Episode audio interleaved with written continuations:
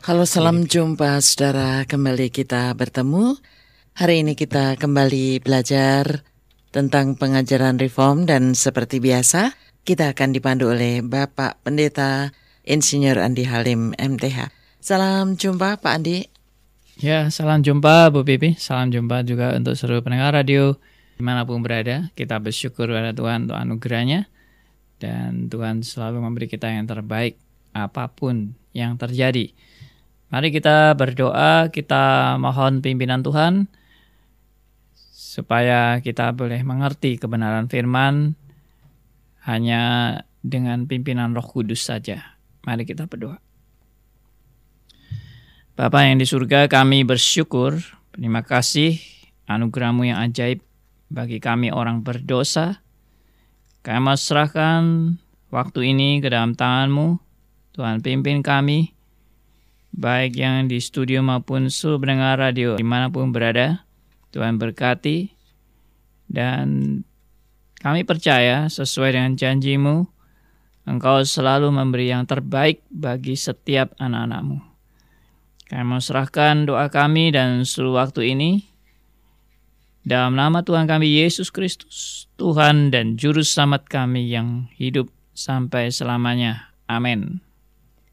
Saudara, kita akan melanjutkan pelajaran kita dan uh, waktu yang lalu kita belajar tentang pentingnya orang Kristen belajar Alkitab. Untuk edisi kali ini Pak Andi akan melanjutkannya. Ya, saudara kita sudah belajar selama ini sola fide, sola gracia, dan sola scriptura. Hanya sola fide adalah hanya melalui iman. Sola gracia hanya karena anugerahnya.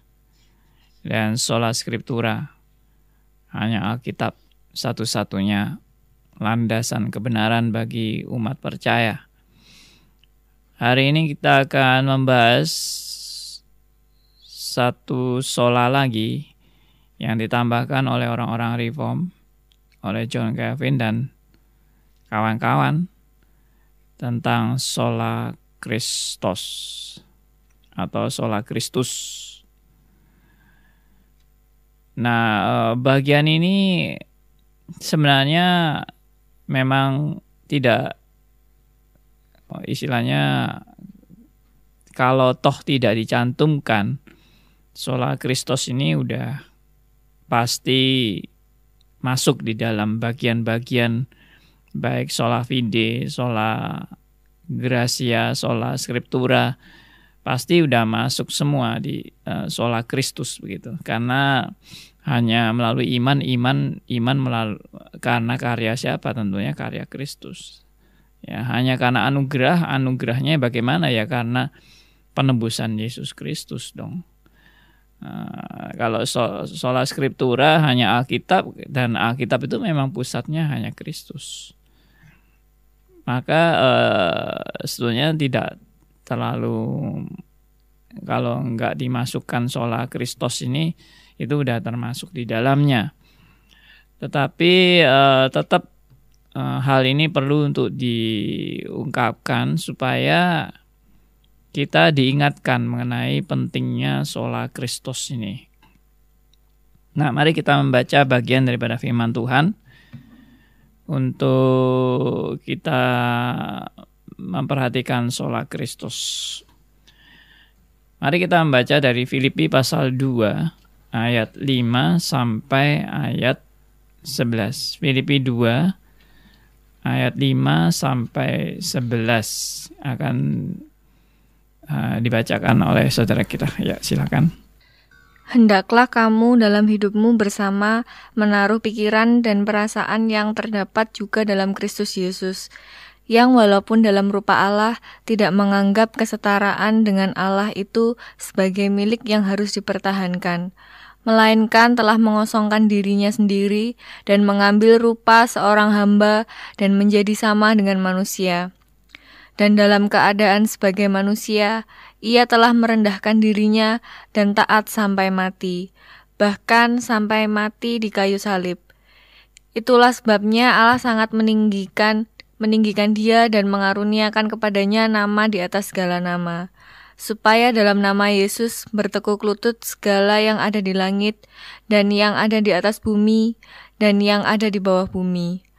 Dan segala lidah mengaku Yesus Kristus adalah Tuhan sebagai kemulia bagi kemuliaan Allah Bapa.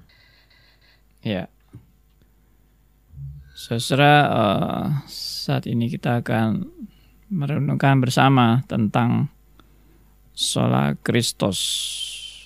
Dalam ayat yang baru kita baca bersama menyebutkan mengenai hendaklah kita punya pikiran dan perasaan, menaruh pikiran dan perasaan yang juga terdapat dalam Kristus Yesus. Hal ini saya bahas dalam kaitan dengan siapa yang menjadi pusat dalam kehidupan saudara dan saya. Ya. Nah, tanpa sadar saudara,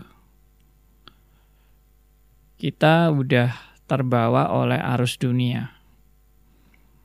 Dan arus dunia ini mengajarkan kita untuk hidup kita berpusat kepada diri kita sendiri, kepada si aku. Uh, kenapa demikian? Ya, karena memang tren manusia itu sejak manusia jatuh dalam dosa dan sampai hari ini, maka tren manusia itu ya cuma satu, si aku. Ya, sehingga kalau aku itu ditinggikan, kalau aku diutamakan, kalau aku dimuliakan, kalau aku dihargai, kalau kepentinganku diutamakan, ya semua aku-aku, hakku, ya toh, urusanku, masa depanku, kesehatanku, kekayaanku, keluargaku, semua kuku semua. Dan itu yang menjadi tren manusia sepanjang zaman sampai hari ini. Maka gereja pun kalau saya melihat tren gereja saat ini juga menyuburkan yang namanya keakuan. Perjuangan-perjuangan manusia bahkan sampai mungkin perjuangan hak asasi manusia yang kelihatan begitu mulia perjuangan itu dan begitu luhur untuk memperjuangkan hak-hak asasi manusia. Tapi ujung-ujungnya juga berkaitan dengan si aku yang terpenting. Dan itu udah tren, udah udah istilahnya arus arus dunia ini semua menuju kepada si aku, termasuk gereja, saudara. Ya ini yang memprihatinkan. Gereja sekarang juga trennya menuju kepada mementingkan si aku. Ya, Kenapa saya berani mengatakan seperti ini? Ya, karena contohnya misalkan ajaran gereja saat ini. Kalau kamu ikut Yesus, kamu bisa cepat kaya. Kalau kamu ikut Yesus, minta apa pun, pasti keinginanmu akan dikabulkan. Kamu akan sukses. Ya. Kamu akan berhasil ya teologi sukses. Kamu akan makmur, teologi kemakmuran. Kamu akan minta apa pun, pasti akan dikabulkan permintaanmu. Ya, teologi doa yang dikabulkan. Nah, ini orientasinya apa kalau kita renungkan baik-baik? Kalau kamu sakit, minta sama Tuhan, pasti disembuhkan. Apa pun yang kamu minta, pasti Tuhan akan berikan sesuai dengan permintaanmu. Nah, jadi apa ini? Ini adalah keakuan manusia saudara yang disuburkan. Nah, kalau kita tidak hati-hati, kita kelihatannya kita mengikuti ajaran Kristen, padahal kita sedang mengikuti ajaran setan. Ajaran iblis yang memang mau merusak gerejanya. Tanpa sadar juga jemaat yang dibawa pada keakuan ini juga uh, seolah-olah itu alkitabiah kok. Tuhan memang datang untuk kepentingan kita Tuhan memang datang untuk memenuhi segala keinginan kita. Dia begitu perhatian dengan segala kebutuhan kita. Dia begitu mengasihi kita. Dia begitu mengutamakan kebutuhan-kebutuhan kita. Ya ini yang diajarkan saudara kepada umat Kristen zaman sekarang yang saya lihat ini sebagai tipu muslihat iblis. Dan banyak orang yang juga bilang, lo apa salahnya? Saya mendapatkan sesuatu yang saya inginkan, apa salahnya? Apa nggak boleh? Itu loh. Loh itu kan berarti justru tambah nantang kan? Dikasih tahu bahwa itu salah, malah ngomong apa salahnya? Kan saya punya hak untuk meminta kepada Tuhan. Kan Tuhan juga menjanjikan kepada saya bahwa kalau saya minta saya akan memperoleh apa yang saya dapatkan. Nah, sudah melegalkan keakuan. Ini yang saya lihat tren. Melegalkan keakuan. Jadi keakuan itu enggak dosa kok. Saya kan butuh memang. Saya kan perlu. Apa apa dosanya sih kalau orang boleh kaya?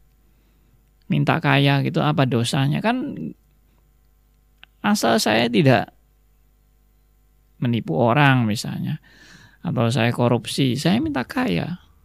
Berkat Tuhan, saya akan belajar hidup seturut dengan kehendak Tuhan, tapi Tuhan beri saya kekayaan, kelimpahan, kesuksesan kesehatan, keberhasilan. Apa salahnya? Nah, itu. Ini justru membuktikan orang-orang yang bilang apa salahnya itu membuktikan bahwa ini dosa udah udah menipu banyak orang. Sampai nggak sadar deh kalau itu dosa. Mungkin kayak orang narkoba juga bilang apa salahnya sih saya ikut uh, apa ini menikmati narkoba? Enak kok. Nikmat kok. Apa salahnya sih? Nah, seperti itu. Apa salahnya sih saya punya keakuan? Apa salahnya sih saya mau mohon kesuksesan, kemakmuran, kesembuhan, ya, dan keinginan-keinginanku? Atau juga ada yang bilang, lo aku kan memang tetap butuh dan bukan hanya aku aja, aku juga minta untuk keluargaku, untuk untuk anak-anakku. Kepentingan keluargaku kan juga penting. Kenapa nggak boleh? Nah ini. Jadi sepertinya hal yang salah itu menjadi dikaburkan. Atau bahkan mengatakan bahwa keakuan harus dihapuskan itu malah dosa. Keakuan itu memang Tuhan hargai kok keakuan kita. Tuhan hargai kok hak-hak kita. Tuhan hargai kok permintaan-permintaan kita. Tuhan juga hargai kok eh, kepentingan-kepentingan kita. Nah ini yang udah rusak. Ya, uh, dus, justru dosa yang paling paling inti ini, paling mendasar ini malah jadi legal. Saya kasih contoh juga orang yang berjuang untuk hak asasi manusia.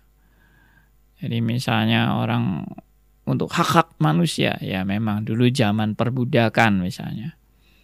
Hapus semua perbudakan. Bagus memang. Perbudakan itu memang tidak manusiawi.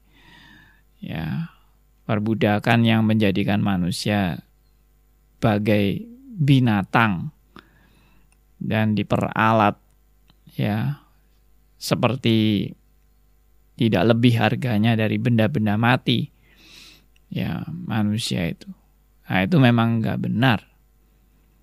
Tapi lalu menginjak kepada ekstrim lain hak asasi. Manusia bebas melakukan apa yang dia mau karena itu haknya manusia nah kalau bebas melakukan apa yang dia mau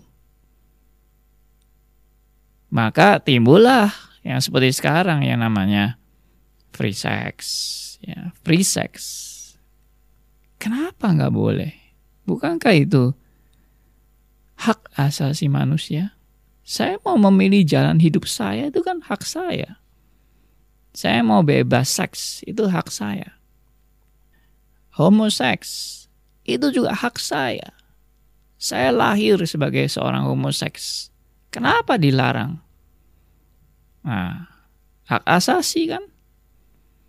saya mau menikah dengan sesama jenis kelamin, ya, wanita dan wanita, pria dan pria bisa menikah, hak asasi manusia.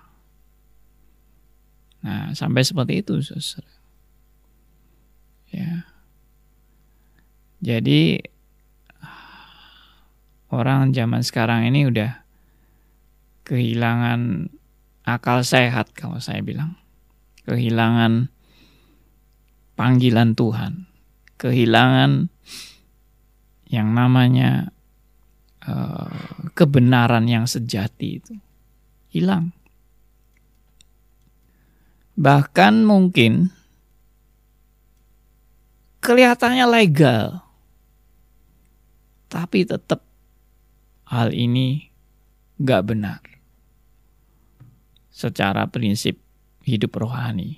Saya tidak mengajarkan fatalisme, saudara ya. Saya tidak mengajarkan uh, orang terima nasib gitu. Saya juga tidak mengajarkan bahwa uh, ya biarin ketidakadilan begitu merajalela. Tetapi ada momen-momen yang kita perlu renungkan momen ini gitu. Contoh ya, waktu Tuhan Yesus datang ke dunia. Waktu itu jelas, jelas-jelas bangsa Israel itu dijajah oleh Romawi, bangsa Romawi. Dan jelas-jelas penjajahan itu nggak benar kan. Kita sekarang juga mengerti penjajahan itu nggak benar. Undang-undang dasar negara kita juga mengatakan bahwa pen, segala penjajahan di dunia ini harus dihapuskan karena itu tidak benar penjajahan itu. Tapi waktu Tuhan Yesus datang ke dunia di mana bangsa Israel dijajah oleh Romawi, itu Tuhan Yesus nggak pernah sama sekali mengkritik bangsa Romawi yang menjajah Israel. Tidak pernah juga Tuhan Yesus menghujat kaisar bahkan mengajak bangsa Israel untuk memberontak kepada kaisar yang penyembah berhala itu dan menjajah bangsa Israel. Harus diusir dari Israel, harus diberontak. Ternyata tidak ya. Heran sekali. Tuhan Yesus juga tidak uh, mengutak-utik masalah penjajahan ini. Satu kali pun nggak pernah dari ajaran Tuhan Yesus mengkritik pemerintah kaisar ini yang menjajah bangsa Israel. Pemerintah penyembah berhala ini nggak pernah dihujat oleh Tuhan Yesus. Kalau Yohanes Pembaptis pernah mengkritik Herodes itu bukan karena Herodes sebagai antek-antek uh, kekaisaran Romawi, tetapi karena Herodes melakukan hal yang tidak bermoral, ya mengambil istri yang bukan haknya dia. Itu. Tapi untuk penjajahan nggak pernah itu dibahas. Heran sekali. Apakah ini ajaran fatalisme? Apakah ini ajaran yang tidak mementingkan hak asasi manusia? Apakah ini ajaran yang sesat ini karena tidak mempedulikan masalah penjajahan? Nah, coba direnungkan. Kenapa kok hak merdeka tidak diperjuangkan oleh Tuhan Yesus? Dan juga oleh murid-murid yang lain dan juga oleh Yohanes Pembaptis, oleh semua rasul-rasul. Ya. Di mana ini? Uh, keadilan ini mau diperjuangkan. Nah, ini ini ini yang sekedar saya ingin memberi masukan bahwa apakah benar semua yang kelihatan benar itu harus diperjuangkan. Ternyata ada hal-hal yang kelihatannya benar, tapi oleh Tuhan justru itu dipakai.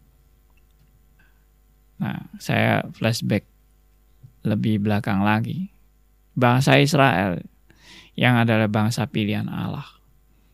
Ternyata dijajah itu sebelum Romawi dijajah oleh bangsa Babel. Ya, pemerintahan Babel dan juga Persia menjajah Israel.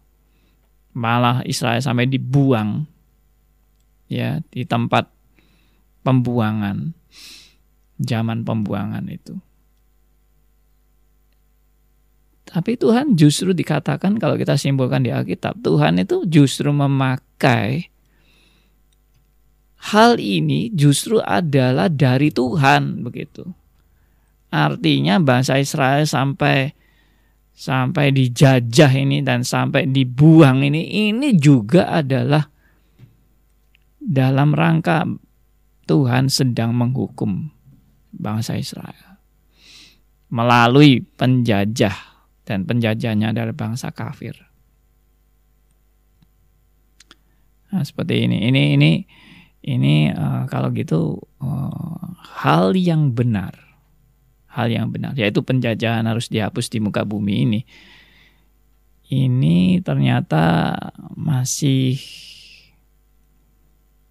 masih harus dikaji lebih ulang. Artinya artinya uh, jangan-jangan peristiwa itu adalah peristiwa yang memang kita harus tunduk begitu. Kita harus tunduk. Karena ini sedang kehendak Tuhan yang sedang mau dinyatakan melalui penjajahan ini. Nah, seperti itu. Jadi bahkan Tuhan Yesus sendiri pun pada waktu ditanya, apakah kita harus membayar pajak kepada kaisar? Nah, kaisar kan penjajah. Kaisar kan penyembah berhala kan? Apakah kita harus membayar pajak? Nah, mestinya kalau penjajah ini bangsa kafir dan penjajah ini sedang menjajah umat pilihan seharusnya dilawan dong. Gak usah kita memberikan kepada kaisar. Kalau memberi kepada kaisar kan kita menunjang penyembahan berhala. Tapi Tuhan Yesus bilang, coba lihat mata uang. Itu ada gambar siapa? Ada gambar kaisar. Lalu Tuhan Yesus mengatakan, berikanlah kepada kaisar apa yang menjadi haknya kaisar. Loh, malah Tuhan Yesus malah menganjurkan untuk menghargai penjajah itu. luar biasa. Jadi ini sesuatu yang kelihatannya benar bahwa seharusnya berjuang melawan penjajah. Tapi Tuhan Yesus tahu waktunya Tuhan. Memang penjajahan ini adalah hajaran dari Allah Bapa kepada umat pilihannya yang tegar tengkuk dan keras kepala. Oke, kembali lagi ya. Jadi Apa kita memang harus menuntut hak-hak kita atau kita ini memang diajar Tuhan untuk tunduk kepada apa yang Tuhan mau. Nah, zaman sekarang ini seolah-olah hak, hak, hak. Ya, belum-belum sudah menuntut hak. Kewajibannya nggak dijalankan dengan baik. Ya, belum-belum udah hak. Ya, orang-orang yang dipakai Tuhan secara luar biasa. Orang-orang yang menjadi orang besar justru permulaannya dia mulai dari bawah. Mulai dari mungkin haknya diinjak-injak. Ya, mungkin dia tidak dihargai. Mungkin dia justru diremehkan. Tapi orang ini adalah orang yang bertanggung jawab. Orang yang tekun. Orang yang benar-benar bekerja keras berjuang. Eh, akhirnya dia berhasil, berhasil. Dalam tekanan, dalam ketidakadilan yang dia alami, dalam apa pun, dia belajar menerima. Dia tidak melawan atau protes. Dia tunduk aja. Coba kita lihat Yusuf itu, contohnya. Yusuf itu dijual oleh saudara-saudaranya. Kemudian Yusuf dipenjarakan karena difitnah oleh istri Potifar. Bahkan Yusuf dilupakan oleh kawannya yang dipenjara. Ya, tapi Yusuf terus setia. Yusuf terus taat.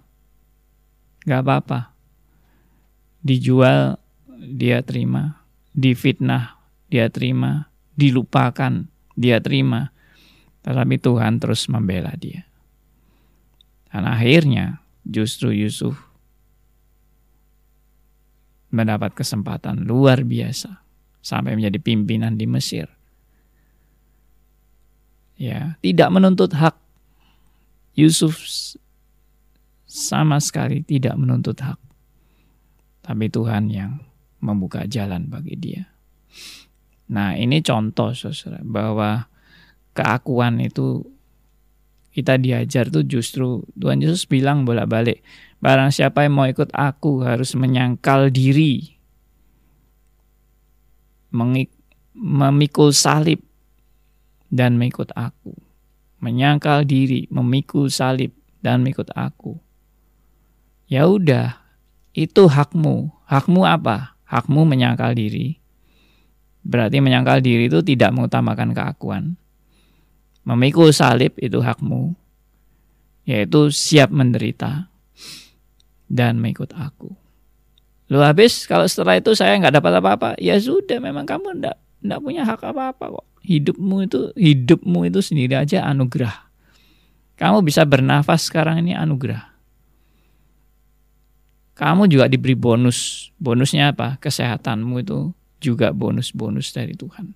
Karena normalnya semua orang itu mestinya sakit karena sudah berdosa banyak penyakit ya dan makin jahat manusia di muka bumi ini sehingga seharusnya manusia ini memang menderita. Tapi kalau kita bisa sehat kita bisa hidup ya cukup nyaman ya itu ada bonus. Makanya uh, belajar bersyukur dengan apa pun yang Tuhan sudah berikan kepada kita. Oke, jadi kembali lagi ya, bahwa si aku itu, si aku itu berbahaya sekali. Dan saya lihat di dunia ini, semua lagi menyuburkan si aku. Semua menuntut hak semua ingin kaya, semua ingin sukses, semua nggak terima, semua menuntut, ya, yang namanya hak asasi manusia. Coba lihat ini. Sekarang ini juga kita lagi ribut. Karena apa? Semua menuntut hak. Ya, Kalau semua orang menuntut hak dan menuntut kemerdekaan, menuntut kebebasan, yang ada justru kekacauan. Ya. Bawahan menuntut hak untuk bisa merdeka semaunya sendiri. Saya tidak mau diatur perusahaan saya. Saya mau berbuat apa yang saya anggap benar. Ya kacau kalau punya pegawai seperti itu pegawai yang nggak mau nurut, nggak mau taat, yang menuntut hak-hak terus, hak hak untuk ini, hak itu, untuk itu, ya gaji minta naik terus, ya lama-lama perusahaannya bangkrut, nggak bisa bayar lagi, ya karena semua menuntut. Memang nggak boleh ada perusahaan yang sampai menyiksa pegawainya, sampai memeras pegawainya, sampai pegawainya itu makan aja nggak cukup atau tidak bisa kerja dengan baik, disiksa luar biasa seperti binatang. Nah itu nggak boleh. Ya. Tapi kalau pegawainya ini istilahnya bahasa Jawanya ngelama, ya toh ngelama itu apa itu? ya mau uh, melebihi hak-haknya ya ya hancur semua coba lihat aja. Sekarang kalau nggak terima ini mogok kerja. Nggak terima itu demo. Ya toh semua apa? Wah negara yang gini terus lama-lama hancur. Karena ya tidak kerja, kerjanya cuma demo-demo terus. Kerjanya protes, menuntut hak. Ya hancur. Karena apa? Kerja tidak diutamakan. Tapi misalnya ya, kerjanya bagus, perusahaannya maju, gajinya makin besar. Loh itu sudah dengan sendirinya. Ya, saya melihat perusahaan-perusahaan besar yang sukses dan kaya. Gaji karyawannya juga luar biasa besarnya. Karena kerja yang bagus. Tapi kok kerjanya cuma demo-demo terus, ya bagaimana? Makanya keakuan itu justru menghancurkan diri sendiri. Nah, ini ini semua contoh ya tentang antroposentris yang tidak diajarkan oleh Alkitab. Tapi zaman sekarang orang udah tergila-gila dengan si aku ini dan mengutamakan si aku melebihi segala-galanya. Nah, biarlah ini permulaan dari pembahasan ini mengenai sholat Kristus. Ya, bahwa si aku yang harus dihancurkan. Ini pelajaran pertama nanti kesempatan berikutnya kita lanjutkan lagi. Ya. Saudara kita sudah mendengarkan Sola Kristus pelajaran kita berikutnya. Pak Andi, siapa yang menjadi pusat hidup kita yang pasti Kristus ya. Hmm. Tapi apa hubungannya aku yang jadi tren saat ini ya dan hmm. perjuangan HAM Hmm. Yang ujung-ujungnya berkaitan dengan si aku. Maksudnya bagaimana Pak Andi? Ya maksudnya kalau aku yang terutama ya Kristus nggak ada tempat. Kalau aku yang si aku yang menduduki tahta ya saya tidak menyediakan tahta ini kepada Kristus. Tapi kepada si aku. Nah itu yang jadi penghalang utama. Biarpun dia Kristen, tapi kalau akunya yang terutama, itu Kristus dengan kata lain dia sudah menolak Kristus. Dengan kata lain dia udah tidak welcome dengan Kristus. Karena kalau dia welcome dengan Kristus, Kristus itu akan yang menduduki tahta dalam kehidupannya. Bahwa Kristus itu yang utama. Tapi ini dia nggak mau Kristus, dia mau aku. Bahkan dia memperalat Kristus untuk kepentingan aku. Nah itu itu teologi sukses, teologi kemakmuran dan sebagainya. Itu itu justru memperalat Kristus untuk kepentingan si aku. Aku itu yang terutama. Kristus yang harus meladeni aku. Kristus yang harus membuat aku makmur, membuat aku sukses. Jadi Kristus itu cuma jadi alat, bukan Tuhan. Nah, itu bahayanya. Orang tanpa sadar dipikir aku itu halal. Ya, meninggikan aku itu halal. Padahal meninggikan aku itu justru haram.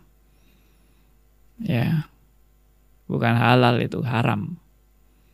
Ya, kita banyak bicara soal makanan haram. Ya toh. Atau perilaku haram dan sebagainya. Apa sih yang sebetulnya paling haram itu dalam esensi yang terdalam? Paling haram itu ya keakuan. Itu paling haram karena dengan keakuan Anda Anda menolak Allah dan Anda memperalat Allah. Memperalat Allah itu aja sudah kurang ajar. Kalau saya ngomong belak-belakan. Ya, saya ndak usah kita ndak usah memperalat Allah. Memperalat sesama manusia aja sudah kurang ajar. Apalagi memperalat Allah. Iya kan? Saya saya memperalat Bu Pipi untuk kepentingan saya. Mau? Marah kan kalau saya peralat itu. Ya, sesama manusia aja marah kalau diperalat. Apalagi kita memperalat Tuhan itu udah benar-benar kebangetan. Tapi itu yang terjadi. Kadang-kadang tersamar ya Pak Andi ya. Ya tersamar memang. Ya itu makanya tipu muslihat iblis. Seolah-olah itu memang hak saya. Saya memang harus dipentingkan. Tuhan justru akan mementingkan saya. Bisnis saya, usaha saya, hidup saya, kesehatan saya. Semuanya saya, saya terus padahal itu sudah kena tipu muslihat iblis.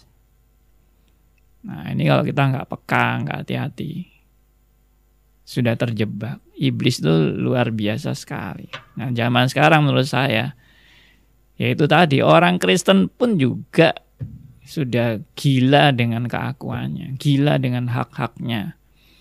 Makanya tadi saya bilang kasih contoh zaman penjajahan Tuhan Yesus saja hak itu tidak diperjuangkan kok oleh Tuhan Yesus. Hak untuk merdeka itu. Hmm. Tuhan Yesus malah mengajar untuk tunduk kepada kaisar. Rasul Paulus juga tunduk kepada pemerintah. Padahal pemerintah zaman itu ya kaisar Romawi. Tunduk. Tapi ini juga bukan fatalisme ya. Saya tidak mengajarkan fatalisme. Tapi ini hikmat di mana kalau kita tahu ini adalah kehendak Tuhan, saya harus belajar taat, ya taat. Gitu. Seperti Yusuf taat tadi itu. Itu kan dia diperbudak, dia difitnah. Kan mestinya Yusuf marah-marah itu. Dia dilupakan oleh temannya yang di penjara itu. Wah, dia mestinya protes. Enggak, dia taat. Wah, luar biasa sekali kan. Nah, zaman sama zaman sekarang yang kayak gini dianggap goblok. Itu kamu kalau cuma diem aja diperlakukan dengan nggak adil kamu diem aja ya kamu itu goblok. Tapi di satu sisi memang saya juga tidak ngajarin fatalisme. Fatalisme itu terima nasib lalu diem aja kayak orang bodoh yang yang apa ini nggak bisa mikir dan nah itu memang hati-hati nih antara saya betul-betul menegakkan keadilan kebenaran atau saya meninggikan keakuan. Nah, coba direnungkan ini. Kalau menegakkan kebenaran, keadilan, kita itu harus berjuang. Contohnya Tuhan Yesus juga marah itu. Marah dengan orang-orang yang berjualan di bait Allah. Itu menegakkan kebenaran ya kalau ada yang tidak benar tidak adil harus kita berjuang tapi kalau ini adalah kehendak Tuhan yang saya harus taat saya mau belajar taat nah itu memang nggak mudah ini membedakan dan peka terhadap ini membela si aku atau membela kebenaran Nah, sila silakan menguji diri sendiri dengan ya toh saya ini membela si aku. Ini adalah keserakahanku, ini adalah kepentingan pribadiku atau aku memang harus belajar taat dan sebagainya. Nah, itu itu kita belajar di situ. Mhm. Ya memang trennya sekarang memperjuangkan hak gitu ya Pak, Mhm. sehingga melupakan kewajiban Ya. gitu ya. ya makanya eh, hak itu pun juga masih harus dikasih tanda tanya gitu memperjuangkan hak itu memang apakah sesuatu yang memang Tuhan kehendaki untuk kita berjuang untuk itu misalnya eh, untuk waktu yang belum waktunya ya seperti Yusuf tadi itu tidak memperjuangkan haknya karena dia tunggu waktunya Tuhan seperti itu Mhm. ya Ya oke, Siva ada pertanyaan? Eh, Pak, karena eh, di dalam kehidupan kita sehari-hari ya Pak ya, ini Hmm. biasanya kita eh, yang tadi Bapak sebutkan yang kalau kita tuh mengikut Kristus itu tidak mengutamakan diri, kemudian memikul salib. Nah, eh, sering kali eh, yang kita rasakan itu eh, gimana sih memikul salib itu? Dan kita tuh nggak nggak apa namanya eh, sering kali mengabaikan tentang memikul salib seperti itu, Pak. Kira-kira eh, apa apa yang harus kita lakukan gitu, Pak? Maksudnya tentang mem- memikul salib itu, Pak.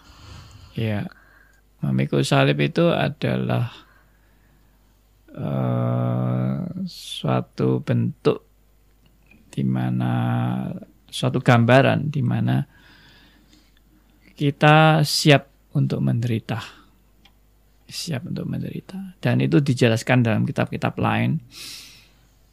Menderita demi kebenaran, bukan menderita karena kesalahan kita ya. Kalau menderita karena kesalahan kita ya ya itu lumrah gitu. Itu suatu yang wajar. Tetapi eh, menderita untuk kebenaran itu sesuatu yang yang benar-benar benar-benar eh, justru dikatakan itu sebagai hak istimewa. Kalau kita menderita yang tidak semestinya kita menderita Nah, jadi di zaman sekarang ini kalau kita mau terapkan itu adalah eh, bagaimana eh, saya ini memperjuangkan kebenaran dan gara-gara saya memperjuangkan kebenaran saya sampai harus menderita. Dan itu sudah terjadi banyak contoh-contoh dalam sejarah. Orang-orang yang justru menegakkan kebenaran malah tambah menderita. Ya. Ya, paling jelas pengikut-pengikut Kristus. Mereka menjadi saksi-saksi Kristus dan mereka akhirnya menderita karena menjadi saksi Kristus. Nah, itulah maksudnya memikul salib. Itulah maksudnya bahwa eh, itu memang beban yang diberikan kepada kita. Itu memang salib yang diberikan kepada kita bahwa dengan mengikut Kristus motivasi kita bukan mau enak-enak. Nah, saya saya prihatin kalau banyak orang Kristen mengi- mengikut Kristus itu tujuannya cuma yaitu bisa dapat berkat, bisa hidup enak, sukses, kaya raya, ya, lalu sembuh dari penyakit, ya segala keinginan dikabulkan yaitu tadi mengikut Kristus demi keakuan dan kepentingan diri, kemakmuran diri, kesuksesan diri semua demi aku. Malah itu yang tadi saya bilang, itu namanya memperalat Kristus demi kepentingan pribadi. Dan itu bukan ajaran Alkitab. Maka siap pikul salib adalah siap menderita karena saya mengikut Kristus. Jadi kalau karena kebenaran yang saya lakukan ini saya harus menderita, saya siap. Demi kebenaran, saya bahkan mungkin tidak perlu menuntut hak-hak saya demi kebenaran. Kalau hak-hak saya diinjak-injak, tapi Tuhan bilang bahwa itulah salib yang harus saya lalui. Saya akan jalani. Itu tadi. Uh, tapi sekali lagi ini ini dekat sekali dengan kefatalan. Kefatalan itu nerimo nasib. Nah, itu kefatalan. Nerimo nasib uh, akhirnya tidak lagi berjuang untuk kebenaran dan keadilan. Dan ya sudah nerimo aja. Nah, itu juga nggak benar. Nah, coba dalam hal ini saya melihat kepekaan itu penting. Maksudnya kepekaan itu introspeksi diri. Saya ini berjuang memperjuangkan keakuan saya atau saya berjuang untuk meninggikan uh, Kristus atau meninggikan keakuan. Nah, itu itu yang menjadi koridornya kita. Ya, oke. Okay. Pak Andi akan memberikan kesimpulan akhir. Ya, saudara, jadi ini adalah awal dari pembahasan kita mengenai sola Kristus bahwa yang menjadi pusat dari segala kehidupan kita itu adalah Kristus dan bukan si aku.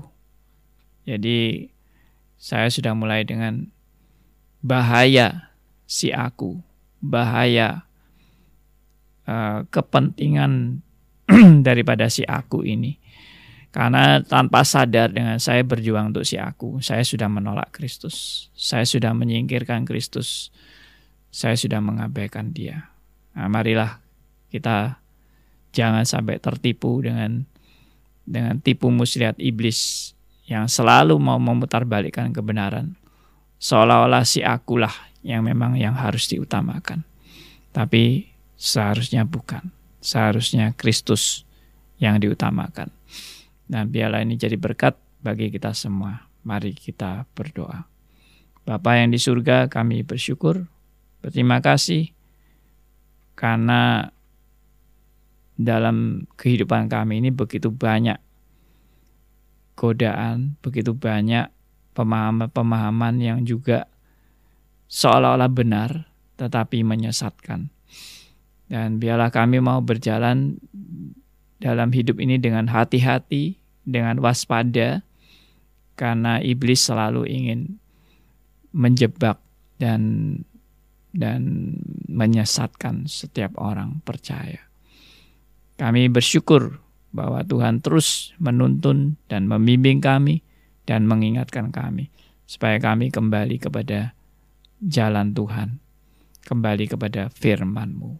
Back to the Bible. Terima kasih kami mau serahkan doa kami dalam nama Tuhan kami Yesus Kristus, Tuhan dan Juru Selamat kami yang hidup sampai selamanya. Amin. Terima kasih Pak Andi. Terima kasih Bu Pipi. Terima kasih saudara yang sudah bersama dengan kami. Kiranya pelajaran kita hari ini menjadi berkat.